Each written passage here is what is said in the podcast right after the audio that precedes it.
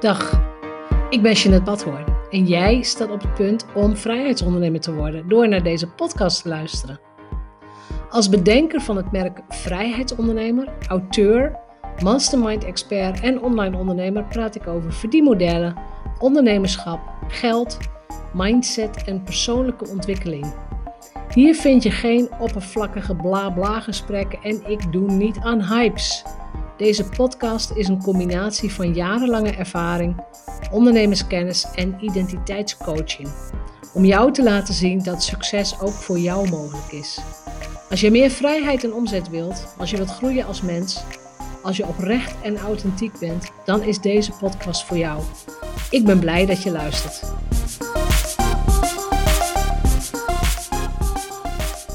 Die modellen voor illustratoren. Dat gaat van uurtje factuurtje, gratis werken. Mensen in dienst nemen of juist niet, of samenwerken, licenties, producten verkopen via webshops, royalties. Uh, specifieke dingen zoals Pictorite of een doneerknop, fondsen, subsidies, NFT's en het belang van een specifieke niche. Wij duiken daar helemaal in. En deze aflevering is opgenomen voor de podcast van Irene Cecile. Irene was een van mijn masterminders van 2020 tot 2022. Uh, eh, dus het, het gesprek is echt opgenomen voor haar klanten en dat zijn illustratoren die ook meer willen verdienen. Want dat is toch wel, uh, ja, dat is toch wel een dingetje bij illustratoren. Dus daar praten we over. Het is echt, ik vind het echt een heel erg leuk gesprek. Het is behoorlijk niche. Dus heb je mensen in je omgeving die creatief bezig zijn, zeg ik het maar een beetje zo, dan kunnen die daar zeker iets aan hebben. Maar het is dus echt een aflevering opgenomen voor illustratoren. En toch kun jij daar als uh, gewone kennisondernemer ook weer heel veel van leren. Dat is ook de reden dat ik hem ook op mijn podcast beschikbaar stel. En ik wens je ongelooflijk veel plezier en inzichten bij het luisteren naar deze podcast. Hey, hoi en welkom bij de Nederlandse Illustratie Podcast. Dit is de eerste Nederlandse podcast over illustraties. Voor illustratoren en mensen die illustrator willen worden, of als je gewoon van mooie illustraties houdt en benieuwd bent naar het verhaal of de persoon erachter. Ik ben Irene Cecile en ik ben gespecialiseerd in het maken van illustraties met een educatief doel. Ik vertel je over mijn werkwijze, leerpunten, ondernemersreis en inspiratie. En ik ben heel nieuwsgierig naar hoe andere illustratoren het doen. Welke passie of niche ze hebben, hoe ze zich hebben ontwikkeld, wie hun leermeesters zijn en hoe ze hun bedrijf runnen. Ik weet bijna zeker dat we elkaar zo verder kunnen helpen en inspireren. Ik heb er weer heel veel zin in. Leuk dat je erbij bent. Welkom bij deze nieuwe aflevering van de Nederlandse Illustratie Podcast. Ik praat vandaag met Janet Badhoorn, uh, business coach en auteur, onder andere van de boeken 50 verdienmodellen met Petra Juliano en de beste, de 11 beste online verdienmodellen. En we hebben elkaar leren kennen, nou eigenlijk in eerste instantie door het boek 50 verdienmodellen. Ik had dat gekocht. Ik dacht, dit is volgens mij wat ik nodig heb. En ik merkte ook, hey, het gaat niet alleen over geld, maar ook over wat bij je past, wat je leuk vindt. En daarna heb ik een uh, business coaching traject bij jou uh, gevolgd, afgenomen. Ja. Um, ja. ja. maar dat is alweer uh, eventjes geleden. We hebben elkaar, nou ja, we spreken elkaar nu, maar er zat ook alweer eventjes een tijd tussen dat we elkaar helemaal niet gesproken hebben. Dus ik vind het heel leuk om dit gesprek nu met jou aan te gaan. Ik ook. Ik ook. Ja. Dankjewel Irene. Ik, uh, ik, ik kijk er naar uit. Ik vind het echt leuk. Super, leuk. Heb ik jou mooi geïntroduceerd of denk jij, daar mag nog wat bij? Uh, een mastermind expert of zo nog. Ja, ja. ja daar onderscheid ik mij in als ik kijk naar andere business coaches. Ja. Um, bij mij koop je geen programma waarbij, waarbij ik zeg je moet van A naar Z. Maar bij mij word je in een groep gedompeld en die groep gaat ervoor zorgen dat je gaat groeien. Met mij erbij. Maar ja. ja. Dat is, ja, is wel nou- belangrijk om te vermelden, denk ik. Ja, precies. En ik luister soms, uh, ik weet niet of je die podcast kent, de podcast over geld praat je niet van Aafbrand Kortjes en Vincent Kouters. En zij um, haalde laatst het begrip masterminden aan. En toen zei ze: Ja, ik weet niet wat het is, maar dat zal wel zijn dat je dan een kaarsje in het midden zet. En dat je met een groep en dat je dan gaat bidden voor de maan of zo. Maar mastermind is iets anders, toch? Oh, dan moet ik Aaf maar eens even een berichtje sturen. Ja. Um, masterminden als begrip is voor het eerst beschreven in een boek uit, uit mijn hoofd 1923. Het boek van uh, Napoleon Hill, Think and Grow Rich. En wat hij heeft beschreven is um, een groep mensen, dus een collectief wat bij elkaar komt, wat vaak bij elkaar komt, zodanig dat de groep, dus het individu wat in die groep functioneert, zichzelf verbetert met behulp van de groep. En dat is niet voor één iemand, het is voor iedereen binnen die groep. Dus iedereen heeft iets aan het feit dat hij in die mastermind zit. En um, iets wat mensen zich heel simpel voor kunnen stellen, is bijvoorbeeld introducties die je krijgt. Want jij kent iemand die mijn diensten nodig heeft, bijvoorbeeld, en je zegt, joh, ik breng je wel even in contact. En dan is het honderd keer gemakkelijker dan wanneer je, nou ja, moet adverteren op Facebook of koud moet gaan bellen. Of mm dat. En, en gewoon de collectieve kennis die in een groep zit. Als je tien mensen bij elkaar zet, dan weet je gewoon dat die mensen heel erg veel weten. Dus het, het, het, er ontstaat een soort collectief brein. En ehm, dat ontstaat niet in tien minuten. Meestal duurt het, eh, als ik naar mijn mastermind groepen kijk, duurt het zes tot acht weken. Voordat ze elkaar een beetje kennen, voordat, voordat het een beetje gekneed is en dat ze elkaar vertrouwen. En dan, dan komt die magie, zoals ik dat noem. Ja, ja, ja precies. Ja. En ik heb bij jou dus ook in dat soort groepen gezeten. En ik vond het ook heel fijn. Dat waren dan ondernemers, maar ook van hele verschillende, uit hele verschillende hoeken. Dus zowel coaches, maar ook een schrijfster, ook een nou, hele verschillende. Echt heel uh, verschillend. Klopt. Ja. ja. En dus ook met hele verschillende achtergronden en ideeën. Dus als ik dan met een probleem kwam, dan kwamen er allemaal hele, voor mij, out of the box visies van hen. Of dat zij op ondernemersvlak weer iets deden waarvan ik dacht, oh wauw, zo kan dat ook. Of gewoon in het leven. Ja, ja, klopt. En dat is de kracht van, uh, um, weet je, het is wel een soort gelijkgestemden, mm maar wel met hele diverse achtergronden, diverse opleidingen, diverse leeftijden. Maar wel, maar wel die, um, ja, hoe zeg ik dat, die wil om elkaar ook te helpen. Om jezelf te verbeteren, want je zit er voor jezelf. Maar ook die wil om elkaar te helpen. Dat bedoel ik met dat gelijkgestemde. Samen groeien, dat, dat gevoel heel erg. Ja, ja precies. Ja. En dan moet, je niet, dan moet je niet allemaal hetzelfde vak doen en te veel op elkaar lijken. Want dan, dan komen er geen creatieve oplossingen of andere invalshoeken. Nee. Nee, nee Klopt. precies. En hè, dus dat is wat je doet. En je hebt dus uh, twee boeken over verdienmodellen geschreven. Daar wilden we het vandaag over gaan hebben. En mm -hmm. dan specifieker verdienmodellen die uh, voor illustratoren van toepassing kunnen zijn. Ja. Um, en ik wilde even met een, hele, met een lekkere out-of-the-box vraag beginnen. Mm -hmm. um, en ik dacht, dat kan ook wel bij jou. het is oh, dat denk ik ook. ook voor mezelf, dat ik soms wel eens denk, ja, ik vind me, dan begin ik een podcast en dan vraag ik, hoe ben je hier gekomen? En denk ik, ja, het is eigenlijk een beetje een saaie inkomvraag. Dus aan jou de vraag, heb jij een grappig of ongewoon verborgen talent wat we nog niet kennen, maar, um, wat je wel hebt? Een grappig of ongewoon talent. Nou, het is een tijd geleden en ik denk dat niemand het gelooft als ik dit ga vertellen, maar ik heb vroeger, en vroeger is uh, eh, 30 jaar geleden ongeveer, nou verklap ik mijn leeftijd misschien een beetje, maar ik heb vroeger in een operakoor gezongen. Wat leuk. Ja, dat wist je niet, hè? Nee, dat wist ik niet. Nee, nee. Op operakoor Rotterdam heb ik gezongen. En wat voor... Ik heb een altstem, dus de, de lagere vrouwstem. En dan mhm. moest ik ook auditie. Voor die tijd had ik gewoon voor de lol in, uh, ja, in popkoren gezongen. Dat is dus gewoon eigenlijk een beetje populaire liedjes, wat kerstliedjes. En was ook wel leuk. Uh, dat was nog toen ik studeerde in Groningen in die tijd. En toen ik bij dat popkoor zong, toen, moesten we, of moest, toen zongen we ook iets van een, uh, een iets makkelijks van Mozart. Mm -hmm. Dat was natuurlijk mijn lievelingsstuk. Ik vond het prachtig.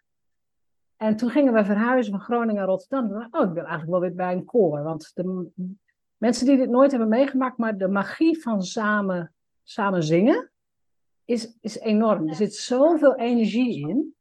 Mhm. En ehm, dat, als je naar concerten gaat, weet je dat wel een beetje. Hè? Van dat samen zingen heel veel energie geeft. Dus ik ging in Rotterdam weer op zoek naar een koor. En toen vond ik dit. En dat vond ik best spannend. Want ik moest echt auditie doen met zo'n man aan een eh, piano. En ik moest echt eh, noten nazingen en zo. Eh, nou, en toen werd ik aangenomen. Toen dacht ik, oh, oh, oh, oh, nou, oh, mag ik, ik mag in het operakoor. Ja, wat goed. Wat Ja. leuk. Ja. Ik vond het fantastisch. Hè. Ik was verreweg een van de jongsten. Want het is, ja, ik, ik, ik hou van opera. En ik moet eerlijk zeggen, dat heb ik echt nog nooit ergens ehm, gezegd of opgeschreven. Ik hou van de dramatiek van opera. Ja. van, van klassieke zang. En dat, ik, ik kan, daar kan ik helemaal mezelf in verliezen. Ja. Maar ik moet eerlijk zeggen, op een gegeven moment komen er kinderen en dan, dan, ik had gewoon geen tijd meer voor dat soort dingen. Dus ik luister nog wel. Een van mijn, mijn lievelingsstukken is het, is het Requiem van Mozart. Dus het, ja, Requiem is een, een grafstuk, hè, er gaat Mhm. iemand dood en eh, allemaal nou ja, toestanden. Ik vind het prachtig. En doe je dat dan niet nog steeds wel eens gewoon in de keuken? Of Ja, nou ja, ik, ik zet het in mijn oren. Ik zet, via Spotify zet ik het gewoon in mijn oren, maar dat zijn Je stukken zingt die... niet meer mee. Eh, Nee, maar die heb ik ook nooit geleerd. Nee, oké. nee. Ja. Nee. Ik heb wel heel lang gezegd, ik wil een keer, dus het rekenen van Mozart wil ik een keer meedoen als, of in zo'n koor. En Dat is er gewoon nog nooit van gekomen. Nou, wie weet luistert er iemand weet, die eh, ja. contact met je op gaat nemen. Ja. Maar dat, dit weten Ja. niet veel mensen. De- Ja. Ze weten wel dat ik, ik heb een enorm talent voor Pokémon vangen. Dus dat soort dingen doe ik ook. Pokémon Go speel ik nog steeds. Nou, dat. Mhm. Ik heb heel lang een IJslands paard gehad. Ja, dat. Ehm, dat weten mensen ook wel. Maar nee, dat, van het zingen nog niet. Nee. Nee. nee, Nee. wat leuk. Wat leuk. Ja. Ehm, nou, eh, toch maar over naar de verdienmodellen dan. Ja. Vertel eens, Ja. wat, wat is een verdienmodel eigenlijk precies? Als ik het heel erg bottom line moet zeggen, is eh, het kiezen van een verdienmodel de belangrijkste beslissing in je business, in je bedrijf. Eh, en waarom? Omdat de meeste ondernemers beginnen met een bepaald talent, een bepaalde expertise. Ze kunnen iets of ze weten iets. Dus eh, of je leeft van je kennis, of je leest, leeft van een bepaald talent. Nou, voor de luisteraars van jouw podcast zullen dat mensen zijn met een talent. Mhm. Dus ze, zij kunnen iets wat andere mensen niet kunnen. Dus illustreren, tekenen, eh, schilderen, eh, dat. Ja. Dat is een talent. En wat vervolgens gebeurt is dat, ehm, nou oké, ik begin voor mezelf, ik word ondernemer. De meeste ondernemers gaan kijken hoe hun collega's het doen.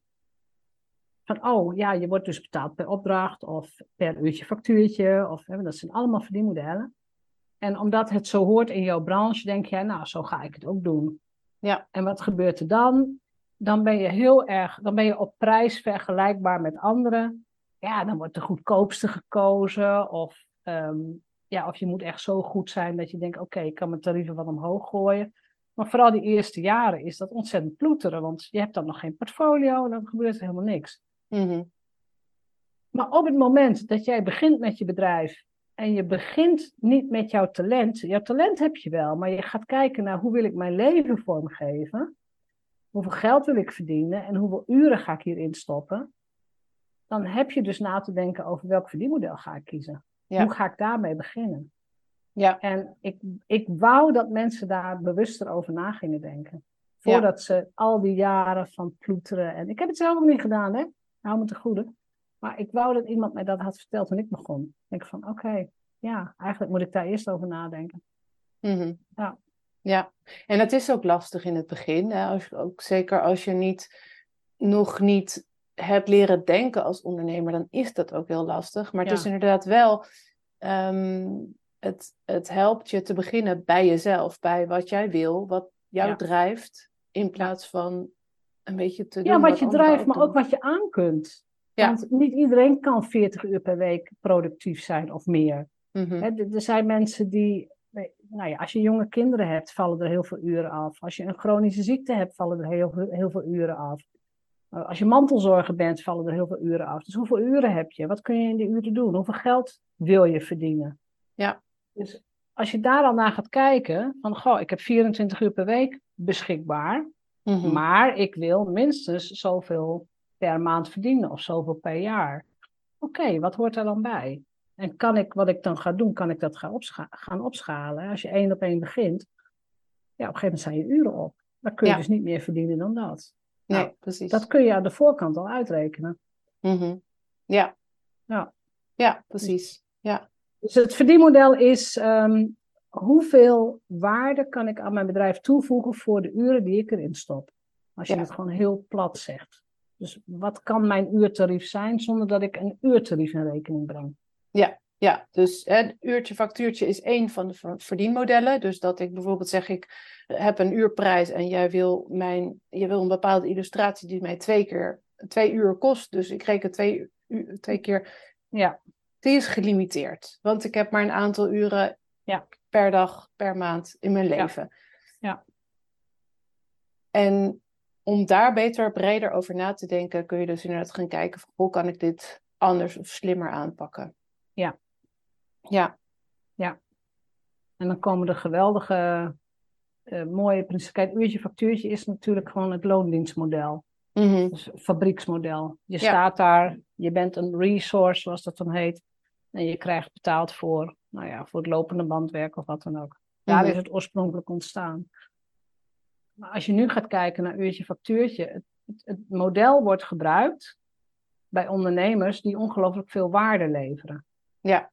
Eh, weet ik veel. Stel je wilt een trouwling- trouwring laten maken op maat. Dan Mhm. kun je wel zeggen, van, nou de kostprijs van het goud is dit en eh, jouw uren zijn dat. Dus ik betaal je dat. Maar een goede goudsmid zal zeggen, nou nee, dat kost je, dat kost je 5000 euro. Want daar zit mijn 20 jaar ervaring ook in, in het bewerken van dat goud. Ja. En, en, en dat mis ik heel vaak bij ondernemers. Dat ze niet doorhebben hoeveel extra waarde zij kunnen leveren doordat ze die ervaring hebben. Ja, Dus je doet jezelf altijd tekort als je Mhm. uurtje factuurtje gaat doen. ja. En het is niet alleen eh, dat doorhebben, maar dat ook vooral dan weer communiceren naar je klant. Dus dat jouw klant ook doorheeft dat je die extra en dat je niet zomaar een, een, een ring levert, maar dat je je afstemt op een klant, dat jij dat talent hebt, dat jij hè, bijna kunt aanvoelen van, oh, dan past dit goed bij jou of bij jullie. Ja, en, wat dacht Ja. je van snelheid? Iemand die 20 jaar hetzelfde doet, kan in een half uur iets doen waar ik twee weken over ga doen. Ja. Is het dan fair om iemand een half uur te betalen Mhm. voor al die jaren die er al in zitten? Dus oefening en oefening baart kunst natuurlijk. Maar dat Ja. geldt ook voor, voor ons als ondernemer. Jij kunt waarschijnlijk een illustratie in, weet ik veel, in een kwartier prachtig maken. Nou, als ik dezelfde illustratie zou moeten maken, dan moet ik eerst weer terug naar school. Dan moet ik leren tekenen. Dan moet ik dit, moet ik al die jaren gaan inhalen. Voordat Mhm. ik dat in een kwartier kan. Dat kan helemaal niet. Nee, Dus, nee. dus dat moet je gaan voelen. En je moet ook echt. En dan komt de geldmindset natuurlijk om de hoek kijken. Dan moet je ook echt zeggen: ja, maar dat kost 5000 euro. Of nee, dit kost 10.000 euro. Mhm. Dat is niet goedkoper. Ja. Maar dat zit niet in kostprijs en in uren. Daar zit Nee. het niet meer in. Nee, precies. En wat je daarmee voorkomt is, want dat merk ik ook veel bij de illustratoren die ik coach, dat ze eh, dan zeggen, ja, dan maken ze een offerte en dan schrijven ze vijf uur keer de uurprijs op. Ja. En dan denk ik ook altijd, ja, maar je hoeft niet te vertellen dat dit vijf Nee. uur kost, sowieso. Nee. Nee. Want mensen gaan je daar vragen over stellen. Ja. En dan, En, eh, en, het is niet van belang. het is niet van belang, nee, Nee, want het gaat om het wil, eindresultaat. ja, precies. Die opdrachtgever wil, een- wil een resultaat. En die heeft jou gekozen, in dit geval bijvoorbeeld voor je stijl of voor hoe je dingen aanpakt of hoe je dingen eh, kunt eh, weergeven. Ja. Ja, en als je dat in twee uur kunt, ja, gefeliciteerd. Doe je er tien uur over, ja, ook gefeliciteerd. Weet je, dat, dat maakt Mhm. voor die opdrachtgever helemaal niks uit. Die wil gewoon weten, wat kost dit product mij?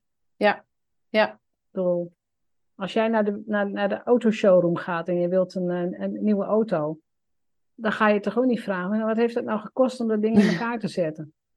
ja, precies. Nee. Ja, Nee, dat, dat, dat is het. En met een auto is die heel ontransparant, want er zitten zoveel onderdelen aan. Maar Ja. ook bij een, ja, weet ik wel, een simpeler product, een boek of zo. Ja. je, je, of, een, of, een, of een plant of, of een. Je gaat niet. Je gaat niet daar op dat niveau zitten onderhandelen, als het ware. Maar in de. Nee. eh, nou, om het dan even zo te zeggen, in de uurtje-factuurtje. ehm, op dat niveau wordt er wel vaak over onderhandeld. Ja. En dat. Maar dat is Dat nog de niet. loondienst. Dat is de Ja. loondienstgeschiedenis die wij hebben. Ja. En Ja. die mag je loslaten. Want Ja. we zijn niet in loondienst. Nee, precies. Nee, Nee. nee. Leuk. Mooi. Dus, en aan de andere kant, hè, het kan ook gewoon een keuze zijn om wel uurtje factuurtje te werken. En misschien ook vooral in het begin dat het prima is. Maar er zijn ook andere manieren. En dat is denk ik vooral Ja. goed om te weten. Ja. Even kijken, want hoe, hoe kies je dan een verdienmodel dat bij je past? Dus je zegt, je begint inderdaad bij je talent, bij, je, Ja. bij wie je bent, wat je wil. Ja. En, en, en als je het heel groot gaat trekken, dat zou ik altijd wel doen, is eh schets eerst je ideale leven. Mhm. En met leven bedoel ik, deel gewoon je jaren in. Hoeveel, hoeveel weken per jaar wil je werken? Vallen er weken af? Eh, Iedereen die kinderen heeft, zit alweer met vakanties. En weet je, dan gaat er sowieso tien weken al weg. Mhm. Die je niet, misschien, misschien wil je wel werken, dat is ook prima. Maar stel dat je zegt, die wil ik niet werken. Ja. Nou, dan hou je nog 42 weken over. In die 42 weken, ja, hoeveel uren wil je werken per week? Als jij zegt, ik wil om drie uur de kinderen ophalen, dan vallen er ook weer uren af. Dus op een gegeven moment komt er een, een, een soort beschikbaar potentieel wat je hebt. Mhm. En nou heb ik de, de berekening niet bij de hand hoor, maar stel dat je zegt, ik heb 1600 uur per jaar om te werken. Ik, ik heb een beetje 40 keer 40 gedaan.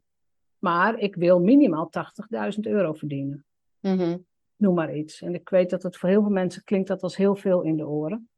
Maar dat betekent dus dat je die 80.000 moet gaan delen door 1600. Oké, wat is dan wat ik per uur zou moeten kunnen verdienen? Wat is mijn verdienpotentieel?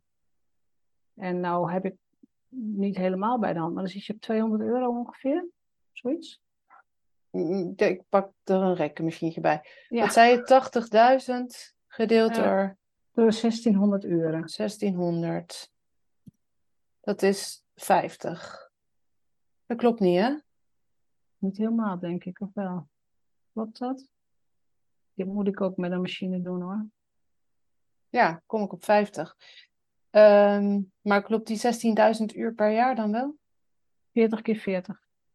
Ja, dan ga je uit van een 40 uur, uur durende werkweek. Ga ik uit van 40 uur per- week. Ja, Dus je- ja maar dan ga je ook uit van een, van een, een 100% facturabele dag, week, maand. Precies, want hier komt hij al. Ik ga uit van 40 weken dat je productief bent. En ik ga ervan uit dat je 40 uur per week elk uur dit kunt verdienen. Ja, Nou, en, en dan merk je dus al, eh, nee, ik moet zoveel procent van mijn tijd, ik moet boekhouding doen, ik moet marketing doen, ik moet lunchen. dingen, lunchen, dingen voorbereiden enzovoort. Dus die 50 wordt al heel snel ineens, oh, dan moet ik 100 euro per uur gaan verdienen. Ja, want meestal is het ongeveer 50% die je facturabel werkt Ja. en 50% die je bezig bent met mails. En Met rondshop. alle andere dingen. Ja.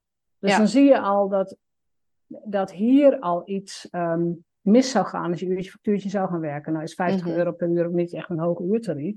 Maar dat ga je dus ook gewoon niet halen. nee, Dus je moet heel erg na gaan denken, oké, stel dat ik die 80.000 euro zou willen verdienen mhm. in, niet in 1600 uur, maar in 800 uur. Want dat is dan wat je Ja. ongeveer over hebt. Ja. Wat kan ik dan doen? Hoe kan ik mijn bedrijf zo opschalen dat dat geld ook binnen kan stromen? Dat, het, dat ik het überhaupt mogelijk maak. Ja.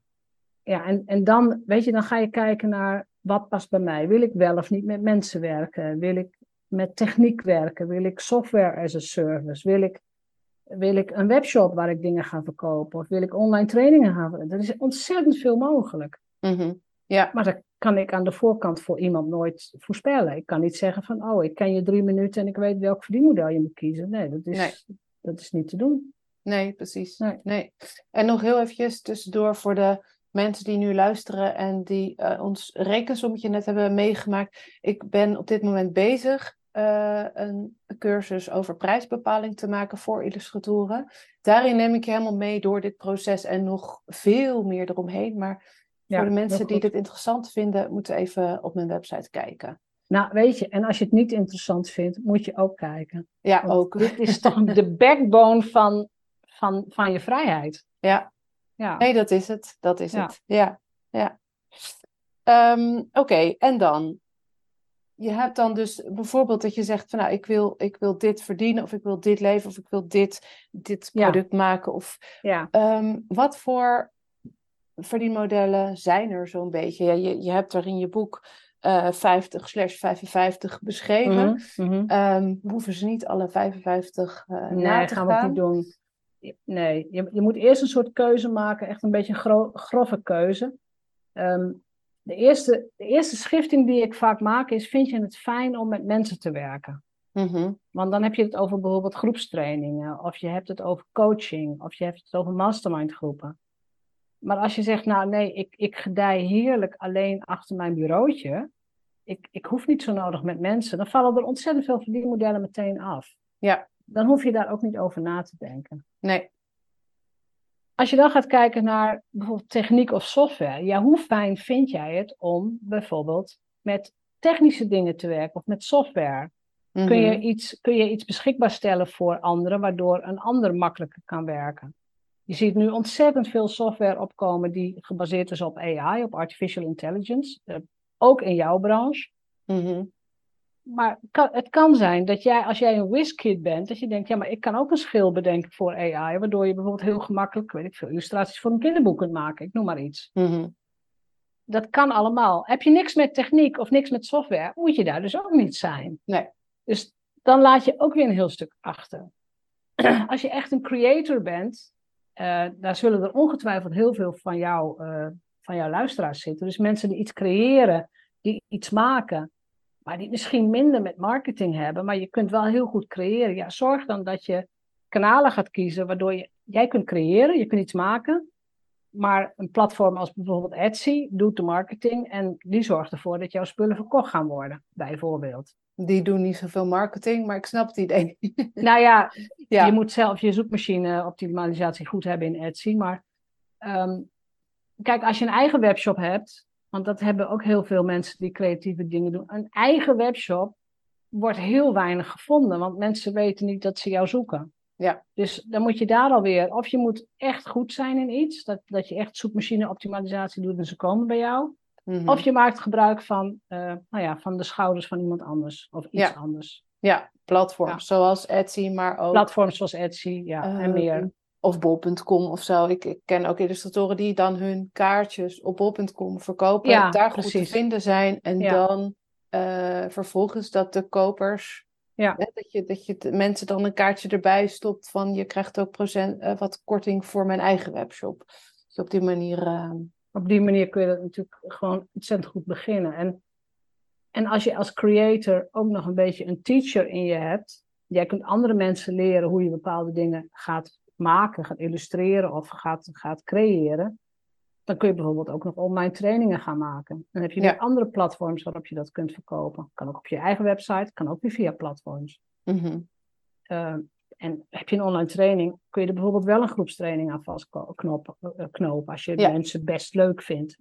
Weet je, zo, zo ga je een beetje mixen van, oké, wat, wat zit in mij?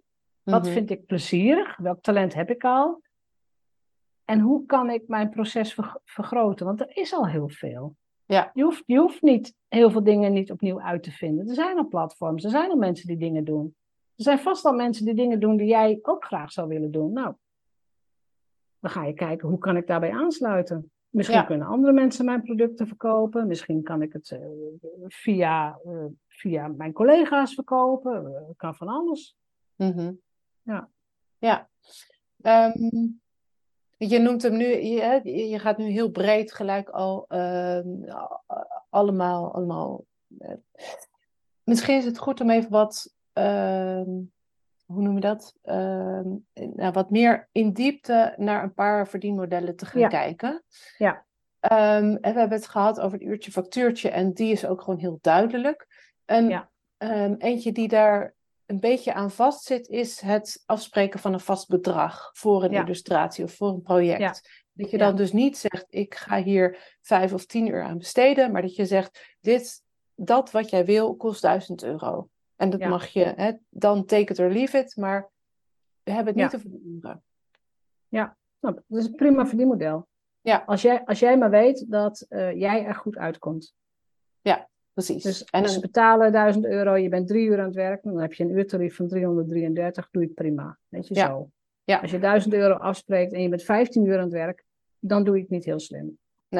Nee. nee, dus aan de achterkant moet je natuurlijk wel echt even met die uren eh, rekening houden. Ja. Maar eh, die hoeven niet één op één overeen te komen. Je- het, het, het mag een, je bedrag mag een stuk hoger. Zeker als je meerwaarde toevoegt, omdat je ehm, een expert bent op dat gebied, omdat je heel erg een Ja. niche hebt in dat Ja. gebied. Of omdat je op een andere manier meer, ook meer daarover in de Dat klopt. prijsbepaling cursus trouwens. Kijk, het, het is een verdienmodel eh, wat vaak volgt op uurtje factuurtje. Mhm. Je, je moet wel weten hoeveel uren het je kost. Dat moet Ja. je gewoon redelijk goed kunnen inschatten. Dat betekent dat je daar wel ervaring in moet hebben. Ja.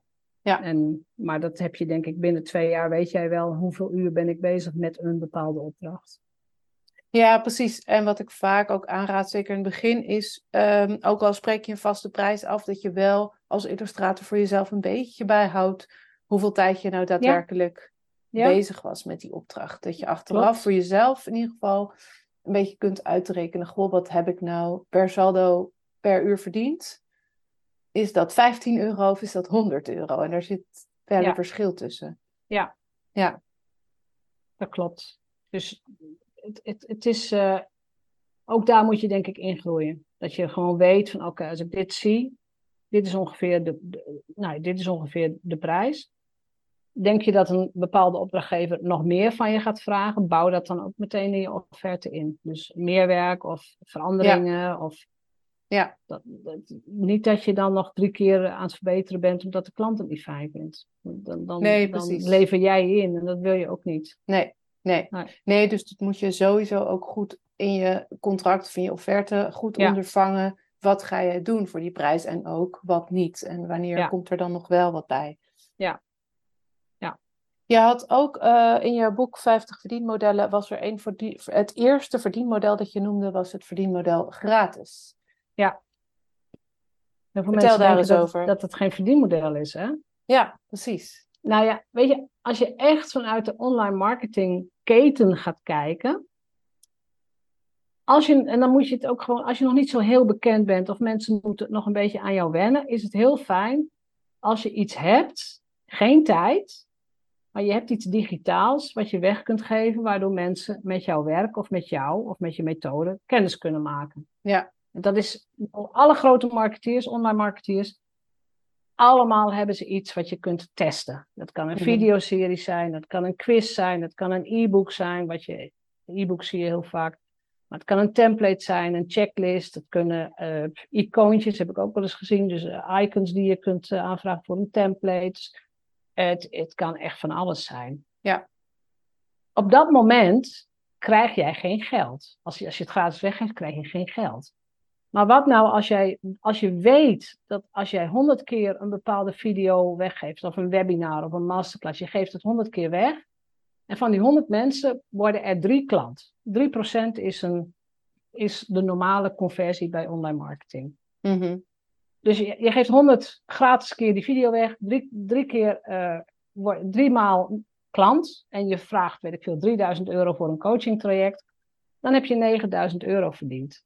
Ja. En als je het heel droog gaat bekijken, dan is het niet zo dat die gratis video 9000 euro oplevert. Want het verdienmodel is dus jouw programma of je traject, weet ik veel. Maar ze hadden jou nooit ontdekt als je die weggever niet had. Ja. Dus het is jouw verplichting, jouw taak, om een toekomstige klant een beetje aan het handje mee te nemen. Hé, hey, Ja. maar je kunt iets van me kijken, je kunt iets van me ontvangen. Ehm, take it or leave it, weet je, dat, dat idee. Maar het is er voor je. Ja, ja, Dus het, het is wel degelijk een hele belangrijke stap in, zeker als je ook wat hogere prijzen gaat vragen, in, in gewoon het- in het meer. ja, ja. Ja, precies. En ook iets simpels als een nieuwsbrief bijvoorbeeld valt daar al onder. Of een, Ja, ehm, regelmatig een mailtjes sturen, Ja, een gesprek. Wat je ook ziet bij eh, weggevers, dat zijn die kleine, die, die kassakoopjes en die kleine upselletjes, weet je. oh je hebt nu die gratis video gekregen, bestel hier mijn boek of bestel hier de hele videoserie. Of ja, het kost je maar 27 euro als je het nu doet. Ja. Dat, soort, dat soort technieken zitten er natuurlijk allemaal bij.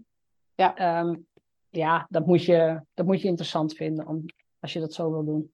Ja, ja. En nu we het daarover hebben, hè, mijn podcast, jij hebt ook een podcast. Een podcast is dat natuurlijk ook. Deze podcast is gratis te beluisteren. Ja. Um, en heel veel mensen luisteren gewoon gratis en gaan daar nooit verder een stap in zetten. En dat is prima. Voel je welkom. Uh, maar er zijn ook mensen die aan de hand van deze podcast mij leren kennen, vertrouwen in me hebben en dan een online cursus of een coachingstraject bij me afnemen. Klopt. Ja, ja. klopt. Dus een podcast is bij mij een, een lange termijn marketing tool. Dus ze leren je kennen, het, het, is gratis, maar het kan best lang duren voordat iemand de stap neemt om contact met je op te nemen.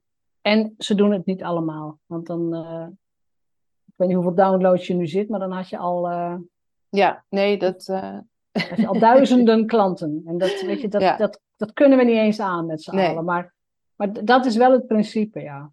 Dat je het op die manier gaat insteken. Ja, precies. Ja. ja. Is er nog een, een, een ander verdienmodel waar, waarvan jij nu denkt, daar wil ik mee verder? Die sluit mooi aan. Ik zit bijvoorbeeld te kijken naar een hele dag voor een vaste prijs. Ja. De, daar heb jij een mooie ehm, titel voor, die weet ik even niet. Ik ook niet. VIP-dag, denk ik. Eén op één op afstand heet die. Ja. Nummer 7. Oh, dat is, dat is een VIP-dag op afstand. Dat is een Zoom-VIP-dag. Uh, dus ja, ja, precies. Ja, ja, dat is het. Of de je hebt hem ook op locatie. Ja, ja. Ja, ja. één op één op locatie. Um, ja, ik noem dat VIP-dagen. Dan krijg je één op één uh, aandacht van iemand. Ja. Um, het, is, het is heel interessant als verdienmodel. En ik heb ze ook los aangeboden. Ik doe dat nu niet meer. Ik weet niet, heb jij ooit los fitdagen aangeboden? Nee. nee. Ik heb het wel gedaan en het is wel, uh, weet je, dat, dat verdient best lekker. Ik ben wel begonnen met dagtrainingen ooit. Dus een hele dag op locatie voor een team bijvoorbeeld. Maar dat, dat is dan niet wat jij bedoelt. Nee, dat is voor een groep dan ook. Dat is voor een groep. Kijk, wat voor mij het nadeel van een VIP-dag is, is dat ik één dag intensief met één iemand werk. Mhm. En ik had ook incidenteel eh, duo's die dan samenwerkten, dus dat we gewoon met z'n drieën werkten. Eén dag heel intensief, er komt heel erg veel boven, er, gebeurt heel veel. En daarna gingen zij natuurlijk daar ook weer mee aan de slag, maar dan zag ik ze niet meer en dan wist ik niet nee. hoe het afloopt. Nee. En ik vind het leuk, maar dat zit dus in mij, als het gaat mm over verdienmodellen. Ik vind het leuk om minimaal anderhalf tot twee jaar, minimaal met iemand te werken. Ik vind het fantastisch. Ja. Ik zie de groei, ik zie de stappen, ik zie de belemmeringen, ik zie waar we gaan bijsturen. Dus het is ook aan mij om mijn verdienmodel daarop in te steken. Dus de VIP-dag is nu bij mij gewoon een vast onderdeel van een VIP-traject, maar ik verkoop hem niet meer los. Nee. Dus dat heb, heb ik in de loop van de jaren gewoon ontdekt. Ja, en als ik aan illustratoren denk, um, zijn het bijvoorbeeld, en dat is wel met meer grotere groepen, maar uh, illustratoren die dan live aantekeningen maken van die visual notes. Dat zakelijk tekenen, dus dat ze een vergadering ja. uittekenen bijvoorbeeld. Dan kan je, dat is natuurlijk ook heel erg gefocust. Je bent daar dan zes uur aan het tekenen. Ehm, en daarna ga je naar huis en ben je in principe klaar. Of je doet er misschien nog wat aan, maar. En je kunt er gewoon een dagprijs voor vragen. En een andere die ik ook wel eens zie langskomen, is dat je een dag met iemand gaat zitten om een huisstijl of een logo te ontwerpen. En dat je dat ook ja live samen met iemand doet. Dat je bij iemand langs gaat. Um. Dienstbedrijf. Ik, ik, ik, ik, denk dat ze allebei heel goed zijn. En ik denk dat je. Ehm, kijk, het leukste is als je. Voordat je zo'n VIP-dag doet, dat je bijvoorbeeld al een intake hebt gehad met iemand, gewoon via Zoom of een, of een heel uitgebreid vragenformulier. Dat de VIP-dag onderdeel is van een mini-trajectje. Want mhm. dan kun je ook sowieso de, de wat hogere prijs uh, verantwoorden. Van het, is niet, het zijn geen acht uur die we bij elkaar zitten. Nee, het is een mini-traject en ik zorg voor de locatie en lunch enzovoort. Dan is dat een prima model. Ja. En zeker bij vergaderingen of bij events zitten, ja, dan maakt het jou ook niet heel veel uit dat je die mensen nooit meer ziet, lijkt mij. Nee, precies. dat, is geen lange termijn uh, nee. dingen. Nee. En inderdaad, wat je zegt, het is ook per persoon afhankelijk. Maar het kan ook wel lekker zijn om eventjes erin te duiken en daarna weer, eh, weer Ja. weg te zijn. Ja, Ja. Ja. ja. Maar inderdaad, ook net wat bij je past, zoals je zegt. ja. Ja. Ja, maar mijn oproep is wel, als je denkt van, oh, dit is een interessant verdienmodel, sta jezelf ook toe om ermee te experimenteren. Ja. Waarom zou je het niet doen? Ja, precies. Uitproberen en dat creëert helderheid. Of het Ja. daadwerkelijk bij je past. Ja, Klopt, ja, klopt. Ja. De volgende. Wil jij hem... eh, Nou ja, we hebben een, eh, we hebben een beetje een lijstje opgeschreven. Mhm. Je hebt bijvoorbeeld ook strippenkaart ertussen staan. ja, Eh strippenkaart is bij mij hetzelfde als een uurtje factuurtje. Want het is gewoon, het wordt alleen in staffen verkocht, maar dat is Ja. hetzelfde. dat is het ook. Ehm, Ja. abonnem- abonnement zou ik, zie ik anders. Want je kunt ook een, iemand kan ook een abonnement op jou hebben. Mhm. Waarbij je afspreekt, je betaalt mij zoveel per maand. En voor dat bedrag krijg je elke maand drie cartoons of drie illustraties of drie Ja. ietsen wat jij levert. Ja. Die mag je vrij gebruiken op je social media, die mag je gebruiken op je website, maar je krijgt er elke maand drie. En je neemt minimaal zes maanden af. En het is gewoon een vast bedrag. Als mensen dan bijvoorbeeld hun intakeformulier voor die maand niet invullen en ze hebben geen, eh, geen tekeningen, ze krijgen wel de factuur. Mhm. Dat is het principe van een abonnement. Als ik een abonnement ergens opneem, weet ik veel, ik heb een abonnement op de Libelle, maar ik lees dat ding niet. Mhm. Ja, dan gaat de Libelle zich ook geen zorgen maken hoor. Die gaat niet Nee. denken, goh, misschien moeten we die mevrouw haar geld maar teruggeven, want ze leest hem niet. Nee, Nee. ik heb het abonnement afgesloten. Het is aan mij dat ik daar ook wat mee doe. Mhm. Dus ik heb geen idee in hoeverre luisteraars, dus illustratoren, daarmee bezig zijn. Van een soort lange termijn samenwerking met een Mhm. klant, waarbij je gewoon een, een bepaalde kwantiteit afspreekt, maar dat kost je zoveel per maand. Ja. Weet ik niet.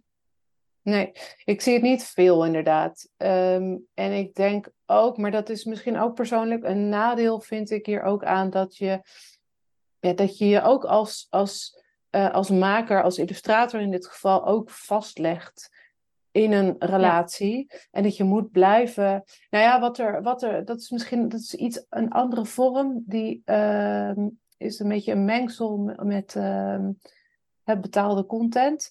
Uh, maar bijvoorbeeld een Patreon-account. ik weet niet of je dat kent. Ja, Het is zo'n zo'n platform. Ja, een daar platform. betaal waar- je voor, hè? Ja. Ja, dus jij kunt, als ik een account heb, kan jij bijvoorbeeld, weet ik veel, voor 5 euro per maand kan je daar lid van zijn. En ik zorg ervoor dat ik iedere maand eh, leuke filmpjes upload van hoe ik Ja. aan het tekenen ben. En ehm, Ja. dat. Dus dat is wel Ja. een soort abonnement. En, maar dan moet je dus als maker, als illustrator, moet je blijven leveren. Ook als je een keertje ziek bent of op vakantie wil of geen inspiratie hebt of wat dan ook. Dat voor mij zou dat- membership. Ja, Ik weet niet of je die ertussen hebt. Ja, voor mij Ja. zou dat dan niet werken, maar voor anderen misschien wel. Die mensen die Nee. heel consistent daarin zijn. Aan de andere kant, ik, ik upload wel iedere twee weken een podcast en daarin ben ik super consistent. Ja. Maar Ja. mensen betalen me er niet voor. Dus als ik met, op zomervakantie wil, dan kan ik hem ook. Kan ik zeggen, joh, ik ben vier weken weg. Ja. En die vrijheid vind ik wel heel fijn. Ja. Als ik wil, kan ik stoppen. Het- Maar dat is het dus. Als je denkt van, "Eh, maar ik vind dat helemaal niet erg, want ik doe het toch al en ik vind het heerlijk om mensen bezig te houden enzovoort, ja, dan is het een model wat goed bij je past. Mhm. Maar als je Ja. dan de voorkant er al benauwd van krijgt, ja, dan moet je het dus ook niet doen. Nee, nee. Nee. Maar ik kan me voorstellen voor ehm, grote bedrijven. Ik zeg maar wat een bedrijf dat eh, iedere week een nieuwsbrief de deur uit doet. En daarbij zegt we willen iedere keer bij de nieuwsbrief een leuke illustratie. Daarbij zou zo'n vorm natuurlijk wel passen. En dan Ja. inderdaad, als dat bedrijf een week geen nieuwsbrief de deur uit doet, dan moeten ze jou in dat geval wel daarvoor betalen. Als je zo'n abonnementsstructuur aangaat. Ja. Kijk, en het voordeel van dat soort verdienmodellen is dat je je cashflow beter kunt voorspellen. Ja. Dus en je weet van, oh, ik heb bijvoorbeeld drie bedrijven die een abonnement op mij hebben. Ik noem het maar even abonnement, want dat snapt iedereen. Maar dan weet ik dat er elke maand in elk geval zoveel binnenkomt. En ik weet Ja. ook dat ik zoveel uren daarvoor ga reserveren. Want dat is natuurlijk de deal, hè? Als een Mhm. bedrijf zegt, we hebben deze maand niks, we betalen je niet. Nee, zo werkt het niet. Ik heb die uren voor jou gereserveerd. Punt. Ja. Daar komt niemand aan. Dus je betaalt me gewoon. Ja, Nee, maar, ja, dan, maar ja. dan heb je iets, iets stabielere cashflow. Dan heb je niet van die pieken en dalen waar heel veel mensen last van hebben. Mhm. Dus daar kan het handig, maar je moet je er wel enigszins lekker bij voelen. Ja, dat klopt. Ja. Ja. Ja, precies. Maar, maar dat is nog steeds een soort. Het is een iets andere vorm, maar het is nog steeds presteren voor geld. Ja, dat klopt. Ja. Dat klopt. Ja. Ja. En als we daar los van gaan. Ja. Dus je zegt, we gaan echt, echt los van het, van het model, hè, de Ja. uren, heel grof gezegd, tijd voor geld. Ja. Ehm, dan ga je naar dingen zoals producten verkopen, eh, Ja. licenties. Dan, dan is de sky the limit. Ja. Als in, weet je, als je één keer een, eh, een, bijvoorbeeld een, Engelstalig bestsellerboek gaat schrijven. Je schrijft het boek één keer, maar het ding wordt 10 miljoen keer verkocht. Ja, en je krijgt een dollar per boek. Ja. Ja, dan heb je 10 miljoen eh, dollar verdiend met één boek. Ja. Dat, dat is in Nederland iets lastiger. Zal ik je vertellen. Want de Ja. Nederlandse markt is eh, voor tekst in elk geval veel kleiner. Mhm. Maar- Maar voor producten ehm, en ja, illustraties, je kunt ze zelf verkopen, je kunt ze ook aan grote uitgeverijen verkopen. Ehm, maar iets wat herhaaldelijk verkocht gaat worden zonder dat jij ertussen zit, ja, dat is natuurlijk een heel leuk verdienmodel. Ja, ja. En dan kan je er ofwel inderdaad tussen zitten, zoals bij een platform als Etsy of je eigen webshop, dat je zelf nog de dingen op de post doet.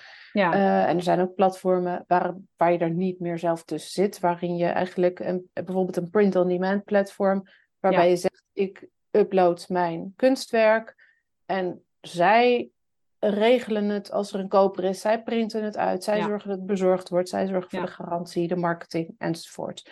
Ja. Ehm, en dan, dan- is die natuurlijk, ehm, hè, dan is het helemaal schaalbaar. In de zin, dan Ja. is het niet meer afhankelijk van mijn tijd en mijn resources. En ik hoef dan niet meer iedere dag naar de postbo naar de brievenbus. klopt. Nee, en Ja. dan, weet je, dan is het dus inderdaad, dan komt dat geld verdienen terwijl je slaapt gewoon dichterbij. Ja. En dan, dan, dan, dan open je je mail en denk oh, ik heb geld verdiend. Oh, leuk.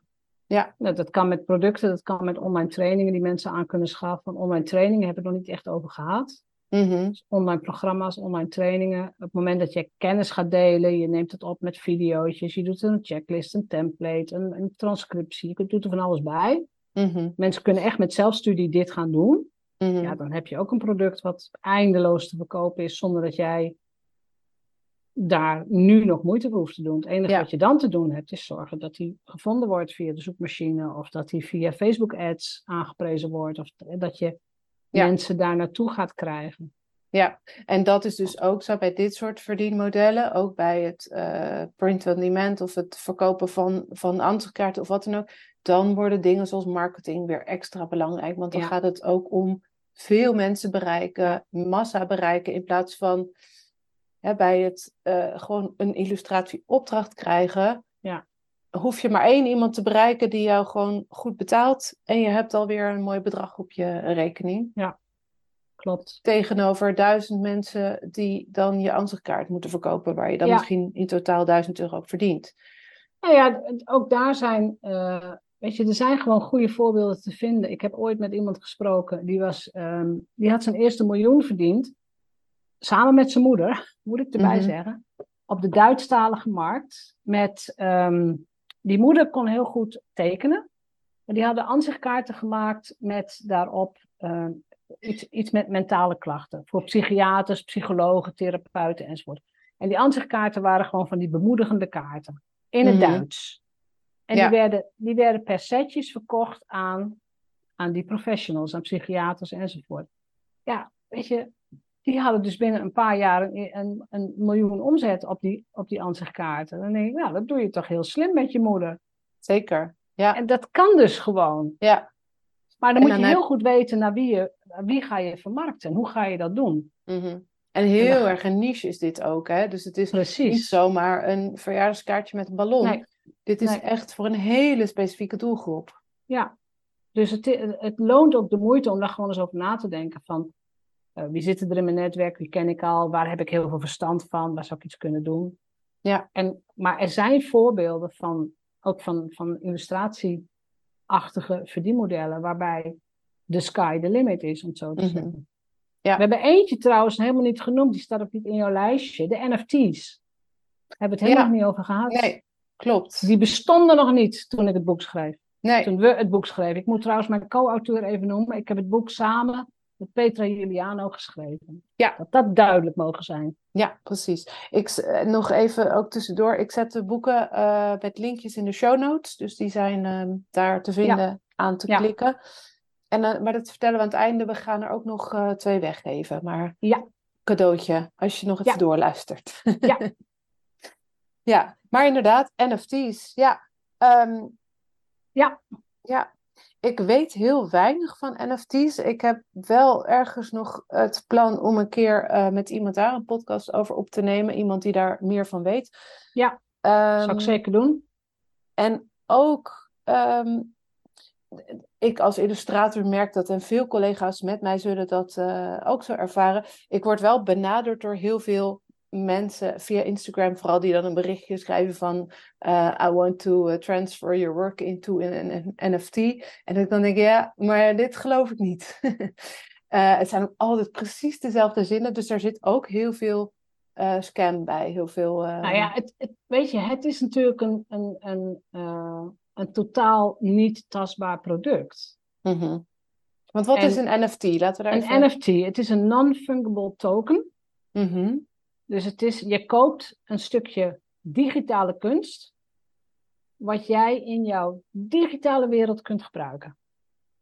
Dus, ik heb ooit, en dat, daar heeft jouw kunst ook gehangen, Irene. Ik heb ooit een, eh, een half jaar lang een virtual office gehad, een digitaal kantoor in een digitale omgeving. Dat was allemaal in de pandemieperiode. Ehm, dat heb ik toen eh, gehuurd, als het ware. Dus een digitaal kantoor gehuurd. Daar konden Ja. alle masterminders binnenlopen. Die, eh, de avatar van de masterminders konden daar binnenlopen als ze zin hadden om even te overleggen. Ja.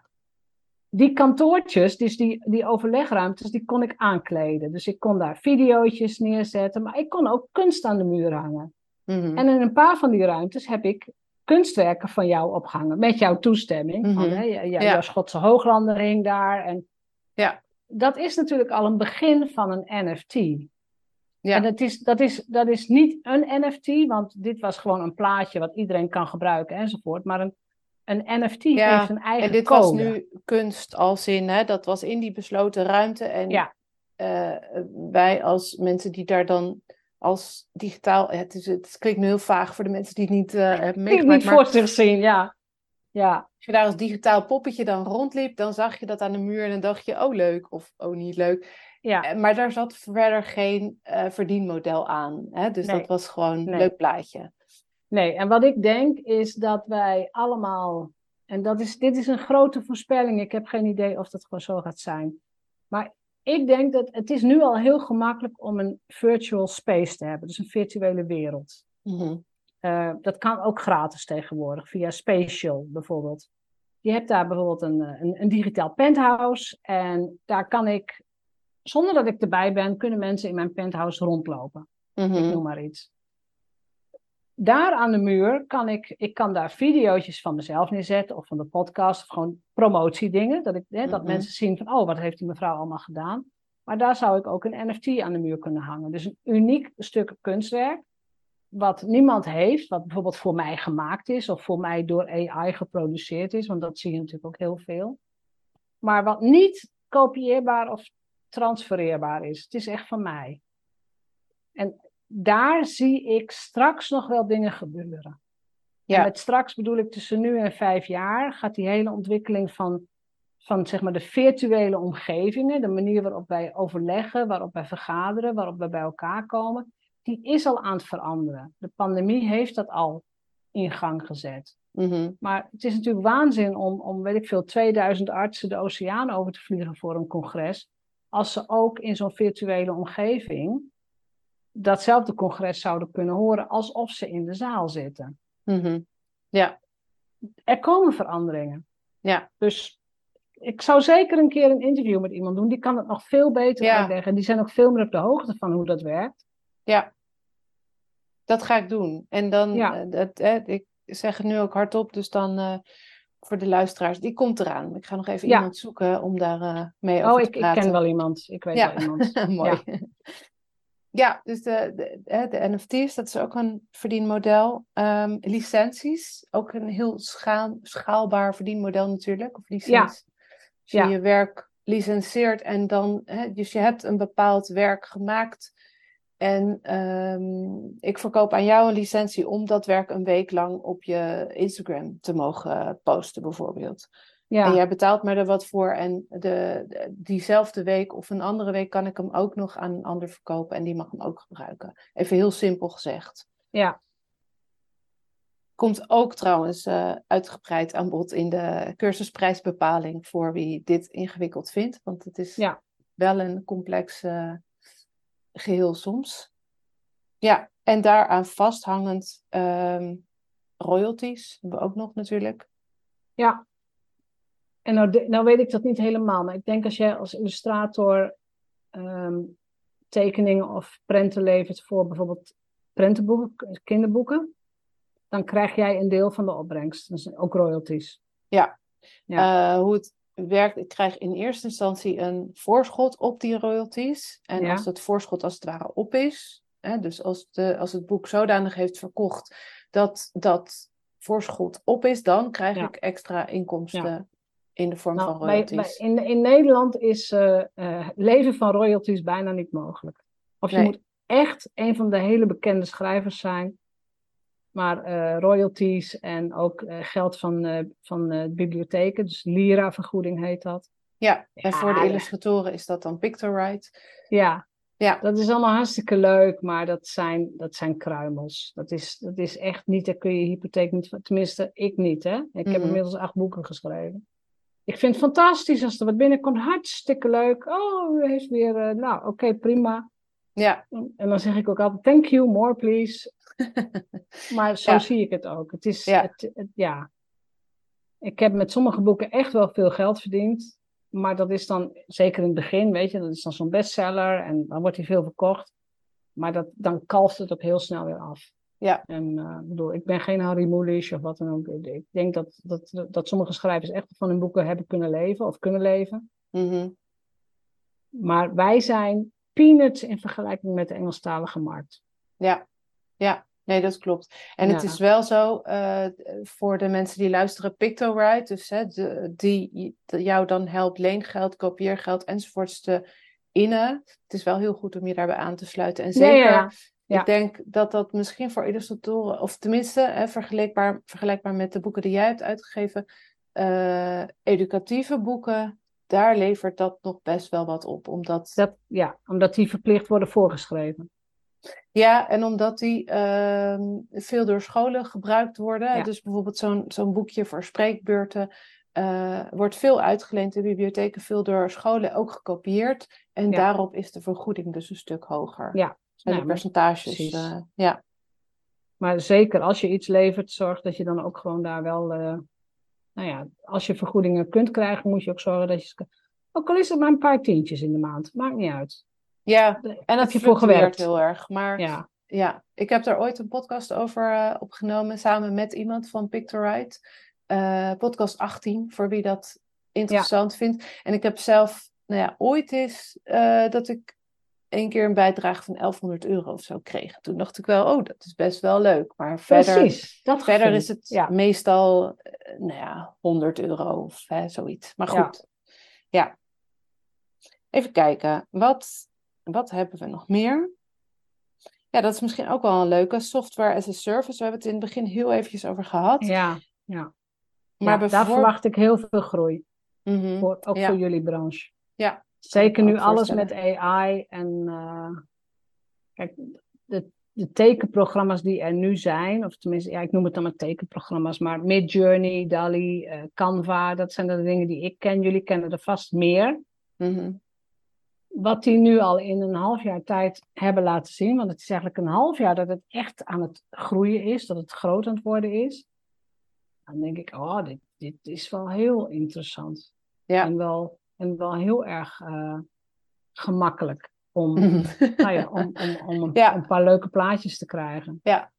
Ja. En, en dan is het, weet je, dan, als je zelf iets zou kunnen vinden wat jij kunt verbeteren of waar jij een schil overheen zou kunnen bouwen of laten bouwen, maar je hebt een uniek idee of stel dat je helemaal in de geboortekaartjes zit van hè, uh, met, met, met deze app ontwerp je je eigen geboortekaartje Mhm.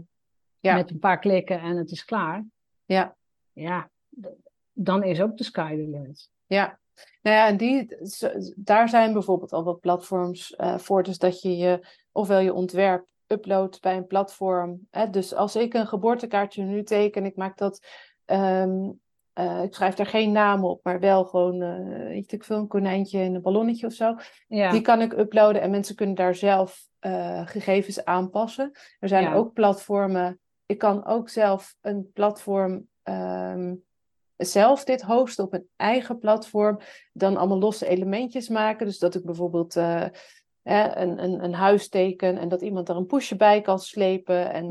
eh, een zonnetje erbij kan zetten. En aan de andere kant eh, dat, die hem, dat iemand hem zelf helemaal kan customizen en hem dan kan bestellen. Dus dan heb je niet meer mijn tussenkomst en Nee. verdien ik er wel geld aan. En kan ik dus wel al die elementjes zelf uploaden. ja. Ehm, dat soort dingen En- zijn. Ja, en wat ik met AI gaat, ga verwachten is dat het, dat het nog gemakkelijker gaat zijn. Ja.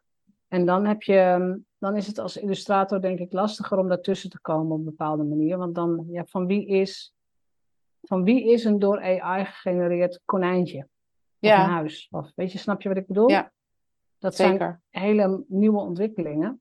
Ja, En, en nou ja, daar, ik, ik dacht meer aan het niveau van stel dat je zelf iets kunt laten ontwerpen. Dus dat je zelf die software hebt. Mhm. Dat het jouw software is of jouw app met iets. Ja. dan, dan, dan wordt het interessant. Ja, er zijn ongelooflijk zeker. veel AI-startups die met, met, met tekst, met afbeeldingen, met weet ik veel wat bezig zijn. In elke branche gaat, gaat disruptie komen. ja. Ja, nee, dat, eh, dat, ja. dat klopt. Dat, eh, dat is zo. Ja. Twee die ik een beetje bij elkaar vind horen. No cure, no pay en waardebepaling achteraf. Ja. Ja, zijn ook niet mijn favorieten hoor. Nee, Nee. Maar ze kunnen wel werken.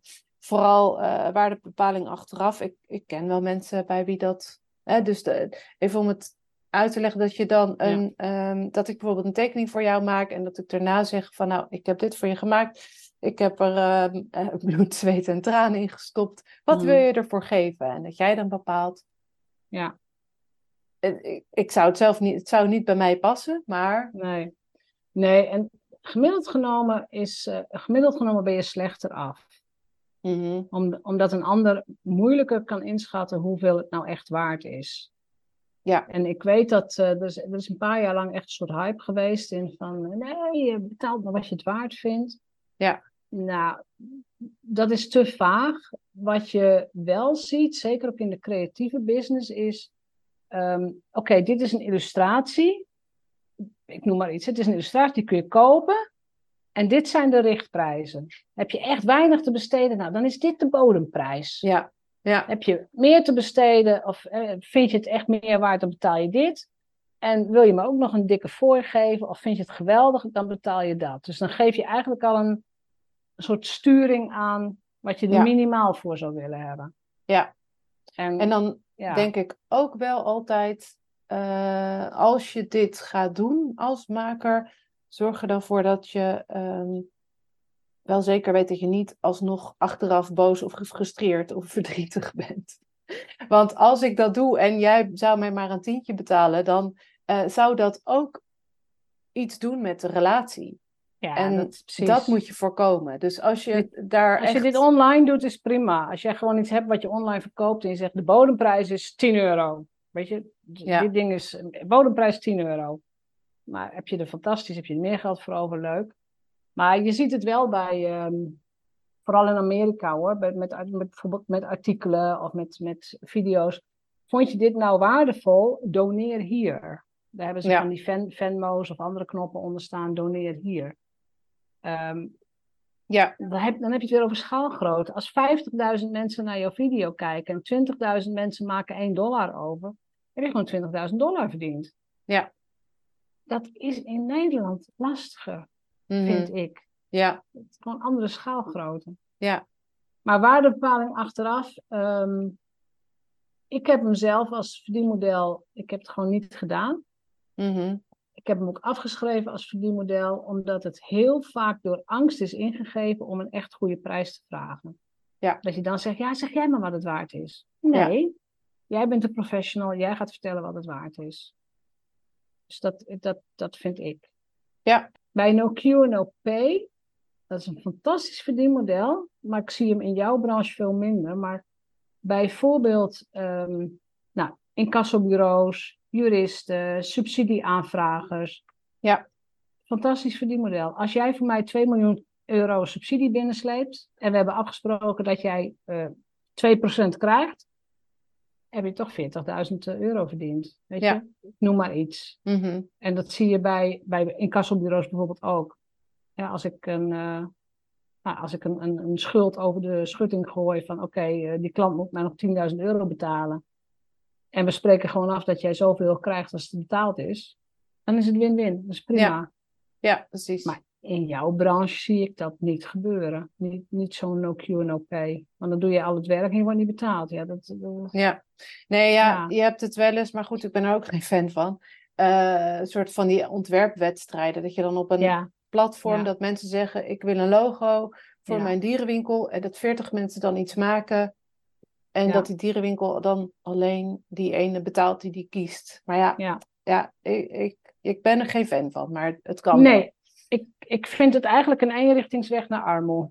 Ja, Als ik het cru zeg. Want je bent Ja. wel aan het werken, je krijgt niks betaald. Ja, als je dat 40 keer doet, dan ben je vier weken verder, heb je niks verdiend. Ja, Dus dat, dat, Klopt. dat wil je niet. nee, nee, dat is waar. Ja. Mijn broertje is architect. In die wereld gebeurt het wel heel veel. Dat architecten dan eigenlijk Ja. hele, hele banken ontwerpen, hele bankgebouwen. Ja. Eh, en dat er dan eh, door zo'n opdrachtgever eentje wordt uitgekozen. Ja. Ehm, en dat gaat daar ook, dat is het ook echt niet gezond voor die markt. Nee, ik vind het. Ik, als je dit soort inspanningen verwacht, vind ik ook dat je moet zeggen van eh, wij stellen dit bedrag beschikbaar om bijvoorbeeld een tekening uit te werken. Dat, ik vind dat een opdrachtgever dat gewoon in het bestek moet opnemen. Maar Ja. goed, dat, dat Ja. vind ik. Ja, Ja. Ja. nee, dat, eh, ja. Ja. Ik zit even te kijken. Ja, nog, ehm, en dat, die stond in jouw boek als, dat vind ik eigenlijk geen verdienmodel, maar dat vind ik wel interessant om nu even aan te halen. Fondsen Mhm. en subsidies. Mhm. Vertel eens, want jij vindt het eigenlijk geen verdienmodel. Leg dat eens uit. Ja, het- omdat het altijd zo moeizaam is. Mhm. Het aanvragen van een fonds of het krijgen van een subsidie vereist vaak dat je bureaucratische taken gaat doen. Dan zeg ik het even heel Je moet 100 formulieren invullen. Je moet aan bepaalde criteria voldoen en dan is het een ja of een nee. Mhm. Bij fondsen heb je nog dat je bijvoorbeeld een bepaald talent moet zijn, of je moet een bepaalde leeftijdsgroep hebben, of nou, wat dan ook. En anders kom je niet in aanmerking voor het fonds. Maar het leert je niet om ondernemer te zijn. En nou ben ik absoluut niet tegen het aanvragen van fondsen of subsidies. Als je subsidie kunt aanvragen om jezelf te ontwikkelen of wat dan, moet je het gewoon doen. Mhm. Maar het is geen ondernemersskill. Ja. Dus het, en als je afhankelijk bent, en daarom is het geen verdienmodel, als je afhankelijk bent van een fonds of subsidie en het wordt misschien per ongeluk afgeschaft, dan sta jij weer op nul, omdat je niet je eigen potentieel, je verdienpotentieel hebt ontwikkeld. Mhm. En daarom is het belangrijk om, je moet weten hoe je je geld verdient en je gaat je versterken met fondsen en subsidies. Dan is het prima. Ja. Ja. En wat het natuurlijk ook is, ja, wat je zegt, je leert er niet door te ondernemen. Dat ben ik helemaal met je eens. En wat het ook is, je, eh, je schrijft je aanvraag naar inderdaad de gemeente of een andere subsidieverstrekker. Ja. Maar zij zijn niet de eindgebruiker. Dus Nee. je bent een, en niet de eindgebruiker aan het overtuigen. En dat is een hele andere manier van denken, een hele andere skill dan wanneer je daadwerkelijk in de huid van je klant, van je eindgebruiker kruipt. En die probeert ehm, Ja. te overtuigen van wat jij kunt leveren van je waarde. Of... Ja. Ja. Ik vind het prima als je jezelf daarmee kunt versterken. Want soms zijn er ook ondernemerssubsidies of starterssubsidies of eh, wat er dan ook allemaal is. En daar moet je gewoon gebruik van maken. Want Mhm. je bent bezig om jezelf te verbeteren. Maar als jouw hele bedrijf rust op, ehm, ja, als ik dit, deze subsidie weer krijg, dan kan ik weer een half jaar leven of dan kan ik weer iets doen. Ja, dan ben je een beetje zo'n gekwelde kunstenaar. Mhm. Want het half jaar daarna zit je weer op een zolderkamertje stokbrood te eten, bij wijze Ja. van spreken. Ja. Omdat je nog steeds niet hebt geleerd hoe je geld moet verdienen. En als ondernemer is geld verdienen een kerntaak, Mhm. vind ik. Ja. Ja, klopt. En dan zeg ik het even heel plat. en- Maar uiteindelijk heb je gewoon, je hebt gewoon geld nodig om te leven. Ja, ja, Ja. ja. Je moet ook gelukkig zijn, en dat ook, maar de, geld is daar wel een onderdeel van. Het, je wil niet daarnaast nog in een café moeten werken ehm, om de huur te betalen. Nee, tenzij je het heel graag wilt. Maar eh, nee. Dat mag. Nee, dat nee. Ja, als, je, als je niet kunt slapen van de geldzorgen, dan, Ja. heb je dat stuk te ontwikkelen. precies. Dus, de- dus de- vandaar dat we, we hebben het wel opgenomen in het boek, maar ook inderdaad gezegd van ja, kijk nou uit dat je daar Mhm. niet afhankelijk van gaat zijn. Ja. En ehm, ja, wees daar gewoon slim in. Absoluut. Precies. Ik heb het idee dat we wel een heleboel ehm, mooie verdienmodellen hebben besproken. Of zeg jij nog dat er nog iets langs Nou, moet wat ik, heel erg, ja, wat ik heel erg leuk vind, meer voor de wat ervaren mensen misschien, Mhm. is ehm, breng in kaart welke kennis je inmiddels al hebt. Want volgens mij hebben we dat met jou toen ook een beetje gedaan. Van ja, maar wat weet jij nu eigenlijk allemaal al? En want je Mhm. was volgeboekt en je had heel veel opdrachten. Dus welke kennis heb je van? En jij wist ook al dingen van websites en zoekmachine marketing en van heel veel andere dingen. Maar welke kennis heb jij zodanig dat je die kennis ook kunt gaan vermarkten? Dat Ja. je daar iets omheen gaat doen. Jij, jij doet dan de één op één coaching erbij en je neemt af en toe een coachie aan. Mhm. En dan deel je kennis. Jij Ja. hoeft die mensen niet te leren hoe ze moeten illustreren. Dat kunnen ze al. Ja. Dus op het moment dat je, dat je iets met die kennis kunt gaan doen, dan kun je, nou, je kunt mensen begeleiden, je kunt een online training maken, je kunt eh, een dagtraining verzorgen. Ik ken ehm één iemand uit eh, Duitsland. Weet niet, misschien heb jij die toen ook ooit ontmoet, Simone Abelman. Nee. Die doet sketchnotes. Sketchnotes. Ja. Ja. Misschien, Misschien weet ik niet. In Zurich misschien. Het zou kunnen. Ja. Nou, dat is, een heel, dat is ook een heel leuk ondernemersverhaal. Ze was iets heel anders, iets van accountant of zo, iets waar ze niet gelukkig was. En sketch, dat, ske, dat sch- eh, schetsjes maken en gewoon grappige tekeningetjes, dat is haar lust in haar leven. En zij zit op de Duitsstalige markt. Die is ook weer groter dan onze markt. Mhm. Maar zij geeft online trainingen met begeleiding, gewoon met haar energie erbij. Hoe ik als simpele ziel heel gemakkelijk een poppetje kan tekenen, een wolkje kan maken, een huisje. Gewoon. En dat is echt, ik weet het wel, voor de mensen die nu luisteren, dat is gewoon echt illustratie voor dummies. Dus kleuterschoolwerk, dat weet ik wel. Maar zij draait inmiddels omzet boven een miljoen. En dan Mhm. denk ik, yes, vind ik fantastisch. Ja. Ja. Dus, dus het, kan, het kan wel. Je kunt daar opschalingen in maken. Maar daar begonnen we het gesprek ook mee. Dat moet bij je passen. Maar de voorbeelden zijn er. Dus wees ook niet benauwd om te experimenteren. En om gewoon eens voorbeelden te zoeken. Van, oh ja, nee, oh, dit kan dus ook. Ja, ja, Ja. precies. Ja, en om op die manier je kennis te delen van hoe teken je nou zo'n simpel poppetje of dat waar jij dan in gespecialiseerd bent of wat Ja. je Ja, of niet Ja. of welke, welke doelgroep jij wil aanspreken of wat dan ook. Ja. ja, ja, ja want uiteindelijk eh, leert, zij, leert zij mensen iets wat... ehm, weet je, je kunt het bij YouTube waarschijnlijk ook wel leren. Maar zij, haar energie zit erin. Dus het is ook een hele vrolijke happening. Mhm. Je wordt er ook vrolijk van als je er naar kijkt. ja, je, dat. En dat gevoel ga je dan ook weer aan mensen geven. Dat is natuurlijk ook wat Ja. waard. ja, Ja. ja, leuk. Ja. Ja. Het, is, het is wel grappig dat je dit ook aanhaalt, want helemaal in het begin, toen ik inderdaad, toen, wij elkaar ook leerden kennen, heb ik zelf ook zo'n eh, online cursus gemaakt. Eh, visualiseer je verhaal, had ik hem toen genoemd. Ja, En die, ja. die, die heb ik uiteindelijk eh, die heb ik gratis aangeboden en uiteindelijk verder daarna nooit meer wat mee gedaan. maar dat ging ook hierover om dan ehm, professionals, maar niet hè, hè, mensen, doktoren of, of psychologen of zo, om hen te leren tekenen en die tekeningen in te zetten in hun consulten met hun patiënten bijvoorbeeld. Precies. Precies. En ehm, dus ook inderdaad die beetje stoppoppetjes-achtige ja. dingen. Precies. Ja, ja. Ja. Nou, dan heb je daar nog iets mee te doen. Je hebt, je hebt het programma al, begrijp ik. Uh, ja. Daar ligt op dit moment wat minder ambitie, wat minder uh, Ja. plezier. Maar nee, dat klopt. Maar het is, ik, het is wel heel leuk om. Ik, ik vond het toen was het voor mij wel een hele mooie stap om gewoon een keer te zetten. Om, om, te, om te ervaren van. Hey, dit, ten eerste, hey, dit weet ik dus. Want daar was ik me helemaal niet zo eh, Ja. bewust van. En vervolgens zou ik kan dit ook overbrengen. En er is ook echt interesse voor. Er hebben Ja. toen best wel veel mensen hebben die cursus gedaan. Ja. Ehm, is een hele leuke interactie ook. Dus dat, ja, dat is wel Ja. echt eh, Nou ja, wie weet. leuk. Ja, precies. Wie weet. Ja. ja, Maar dat, dat is wat ik bedoel met waarschijnlijk eh, mensen die hier naar luisteren, die hebben kennis. Je hebt ergens verstand. Je kunt iets. Mhm. Nou, als je dat kunt uitleggen, of je vindt het leuk om het ook uit te leggen, Ja. dan, dan kun je dat dus ook opschalen. ja, precies. Ja hoor. Ja. Heb jij nog een, ehm, een laatste iets wat je mee wil geven aan de luisteraars? Of nog een advies of nog iets? Nou, Wat ik weet niet hoeveel tijd we nog hebben. We, we hebben het helemaal niet over high-end verdienmodellen gehad. Nee, dat klopt. Nee, die, ik, volgens mij staat die ook niet apart zo in jouw boek.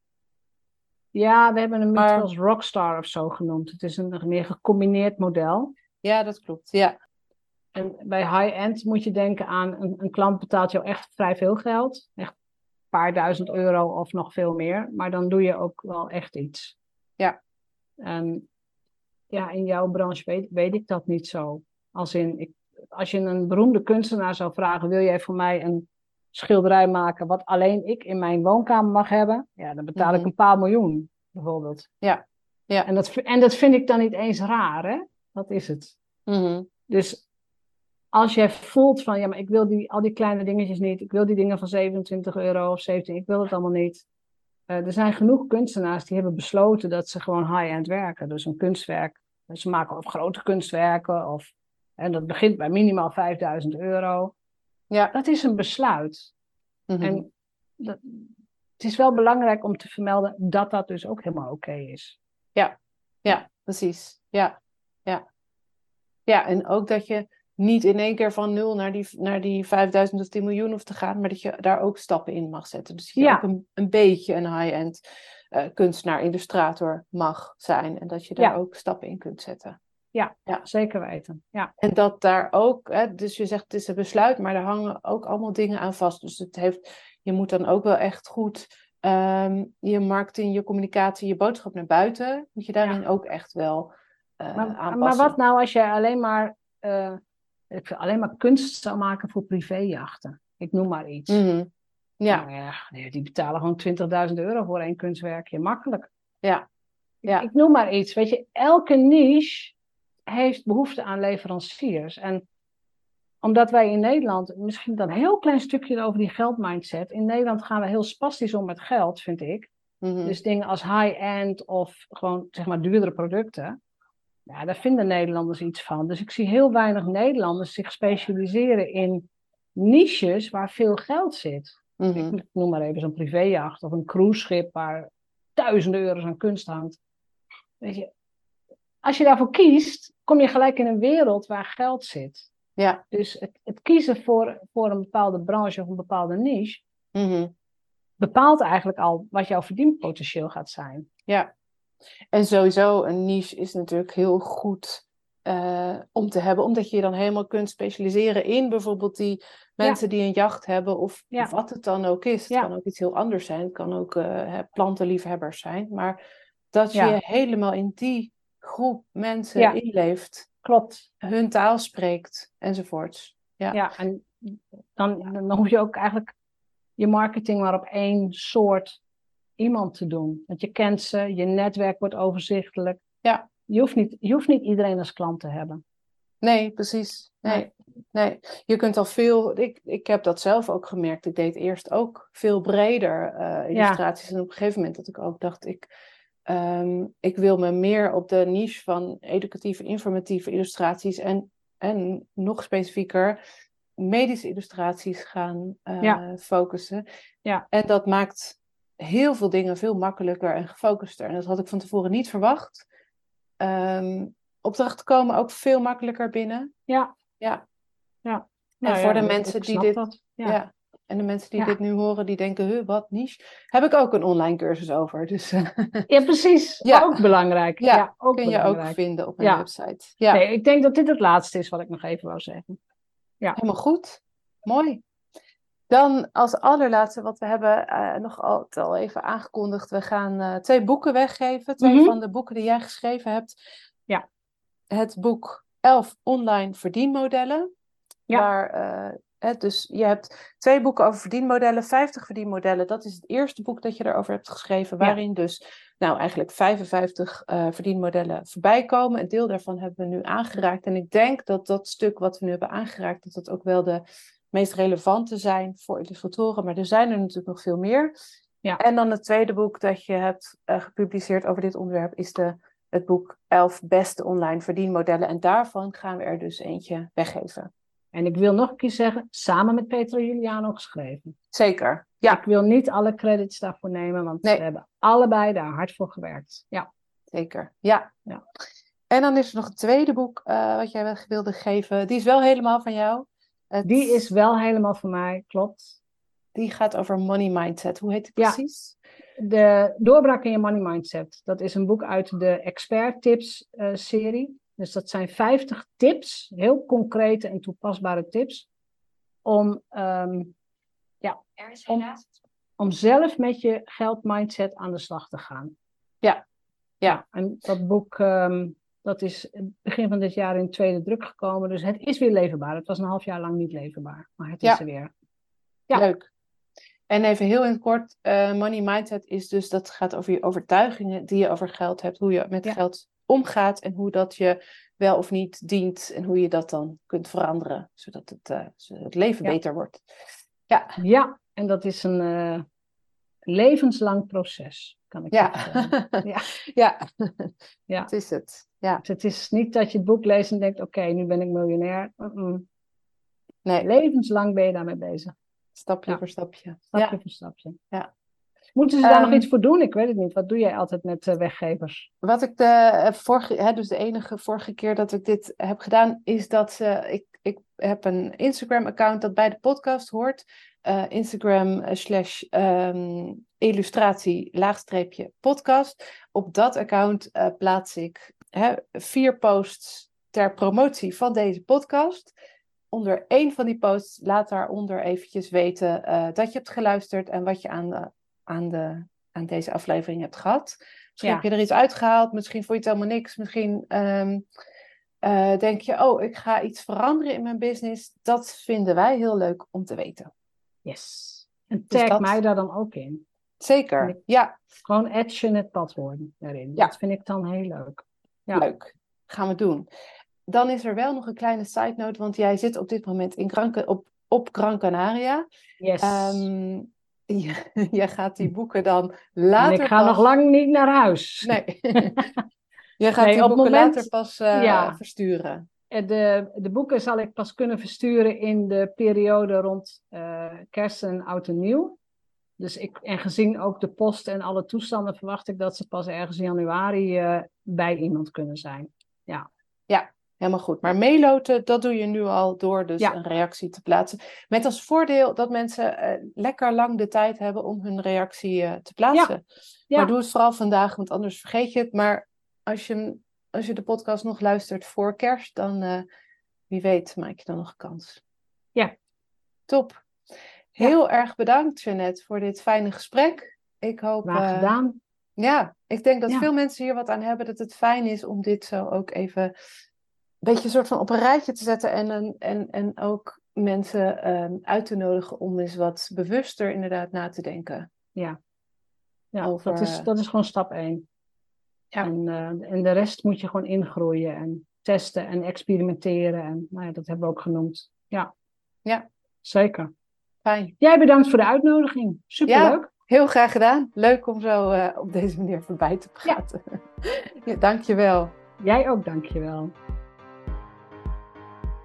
Bedankt voor het luisteren naar de Vrijheidsondernemers Show. Geef de show een review op Apple of Spotify. Als vrijheidsondernemer werk je waar, wanneer en met wie jij wilt. En dat gun ik jou ook. Ik weet dat het kan en bij de juiste keuzes is vrijheid voor jou ook mogelijk. Dus op jouw vrijheid.